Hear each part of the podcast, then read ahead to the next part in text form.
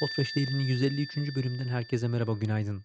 Dünkü bölümümüzde Apple'ın yeni iOS 14.5 beta sürümü içerisinde yer alan subscribe butonu yerine follow butonu yani abone ol yerine takip et, podcastleri takip et söylemine geçiş yaptığını konuşmuştuk. Onun yanında da birkaç konumuz daha vardı gerçi ama bugün yine Apple'ın yeni güncel konularından bile devam edeceğiz. 14.5 beta'nın içerisinde yer alan yeni akıllı çal, akıllı oynat butonu geçtiğimiz günlerde 9 to 5 Mac sitesinde konu oldu. Yaptıkları testlerin içerisinde butonda bir takım değişiklikler olduğunu fark ediyorlar. Yeni butonla beraber artık yayınları hem bir, önce aslında şunu söylemek lazım. Butondan evvel yeni tasarımda yeni 14.5 beta sürümü içerisinde Apple Podcast dinleme uygulamasının tasarımı da değişiyor.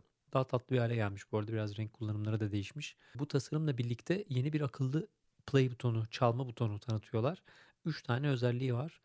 Ee, biliyorsunuz daha evvel play ve pause'du. Şimdi e, kaldığı yerde devam et. Resume. Latest episode. En son dinlediğim episoddan devam et. Ya da son dinlediğini tekrar dinlemek için play again e, diye bir buton getirmişler. Tasarımda da ciddi bir takım değişiklikler olmuş. Tabi hala 14.5'un beta bir sürümü olduğunu ve e, henüz daha gerçek olarak herkese tanıtılmadığını, beta'yı indirenlerin, SDK sürümünü indirenlerin aslında test ettiğini söylemekte fayda var. Ama yakın bir zamanda bu yeni tasarımlı e, podcast uygulamasını görüyor olacağız. Uzun süreden sonra da ilk defa tasarımda ciddi bir değişiklik var gözüküyor. Daha temiz, daha e, yayınları öne çıkaran bir tasarıma geçmişler. Bence oldukça hoş olmuş. Şimdi buradaki değişiklikle beraber aslında bence geçtiğimiz hafta yine bir değişiklik yaptığı daha doğrusu yapacağı söylenen Google'ı da konuşmak lazım. Yine 9 to 5, 9 to 5 e, Google.com üzerinde e, Google Podcast uygulamasında gerçekleşecek bir değişimden bahsetmişlerdi, haber yapmışlardı. Aslında APK'nın içerisinde gizli olan bir takım özellikleri çıkarmış 95 e, Google. Dolayısıyla bu değişiklikler yayınlanacak demek anlamına gelmiyor ama içeri gömülmüş bir takım farklı özellikler var. Bir tasarımsal değişiklik var. Uygulamada bir takım görsel anlamda değişiklikler yapılmış ama en önemli değişiklik Google için artık dinlediğiniz podcast'i beğen, beğenmedim gibi bir özellik gelmiş. Bir kalp butonu koymuşlar. Eğer kalbe tıklarsak buna benzer daha fazla yayını sana önereceğim diye bu uyarı ile beraber geliyor. Dolayısıyla beğendiğiniz yayının içeriğine, tarzına ve ilgi odağına göre size benzer yayınları önerme gibi bir opsiyon getirmiş Google. Hatırlarsınız Google aynı zamanda aslında metinleri dinleyerek bunları tekste çevirebildiği için podcast yazılarının, podcast daha doğrusu seslerinin e, metne çevrilmesi ve aynı zamanda bunların e, içeriğini aranabilir hale getirmesi üzerine bir takım çalışmalar gerçekleştiriyordu. Dolayısıyla bu özellikle birleştiği zaman beğendim beğenmedim e, buna benzer daha fazla içerik göster, buna benzer içerik gösterme opsiyonu çok daha anlamlı hale gelecek gibi gözüküyor. E, menüyü açtığımız zaman da içeride demin dediğim gibi show more like this ya da show fewer like this buna benzer daha çok göster ya da buna benzer yayınları daha az göster gibi bir thumbs up thumbs on özelliği getirmişler, e, uygulaması getirmişler. Enteresan bence. Takip etmekte fayda var. Bununla beraber aslında bir de Clubhouse'dan bir haber paylaşmak istiyorum.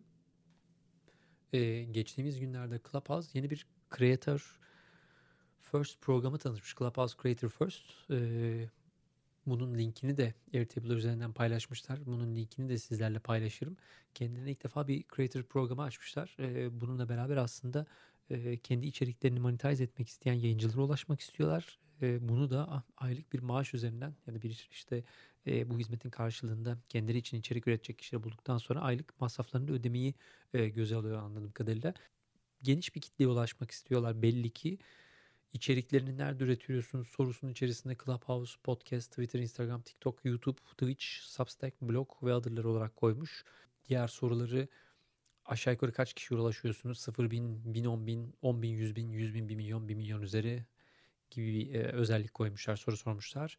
Bu yayınınızın bir co-host'u var mı? Onunla ilgili bilgi verebilir misiniz? Yeni hazırlamayı planladığınız şovla ilgili biraz bize bilgi verebilir misiniz? Bir e, sample audio recording gönderebilir misiniz?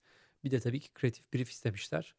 Ee, bunu da bu yayını da yaparken Clubhouse'da hangi tool'ları kullanacaksınız ya da işte e, hangisi sizin için daha faydalı olur diye bir şey sormuşlar. Orada da brand partnership, sponsor matching, booking guest, post show'lar, e, analitikler, mentorship, training, ekipman, kayıt özellikleri gibi gibi uzayan bir liste paylaşmışlar. Bunun linkini paylaşıyor olacağım. E, Clubhouse'un şu anda her yaptığı şey gerçekten oluyor olduğu için burayı takip etmekte fayda var. Eminim ki içerik üreticileri burada e, ilgi duyacaktır. E, Şeyle ilgili bilgi göremedim. Gerçi ona bir bakmak lazım. Herhangi bir özel şey paylaşmadıkları için e, bu formun ve projenin kimler için uygun olabileceği bir özel işte FAQ gibi bir yer paylaşmışlar ya da ben henüz göremedim bunu. Dolayısıyla bu e, başvurunun Amerika dışarısına açık olup olmadığından çok emin değilim ama e, Mart 31 son başvuru tarihiymiş. Dediğim gibi linki başvurusunu e, şeyin içine koyuyor olacağım. E, içeriğimizin içine koyuyor olacağım. Buradan inceleyebilirsiniz. Bugünlük bizden bu kadar. 154. bölümde görüşmek üzere. Herkese keyifli bir gün diliyorum.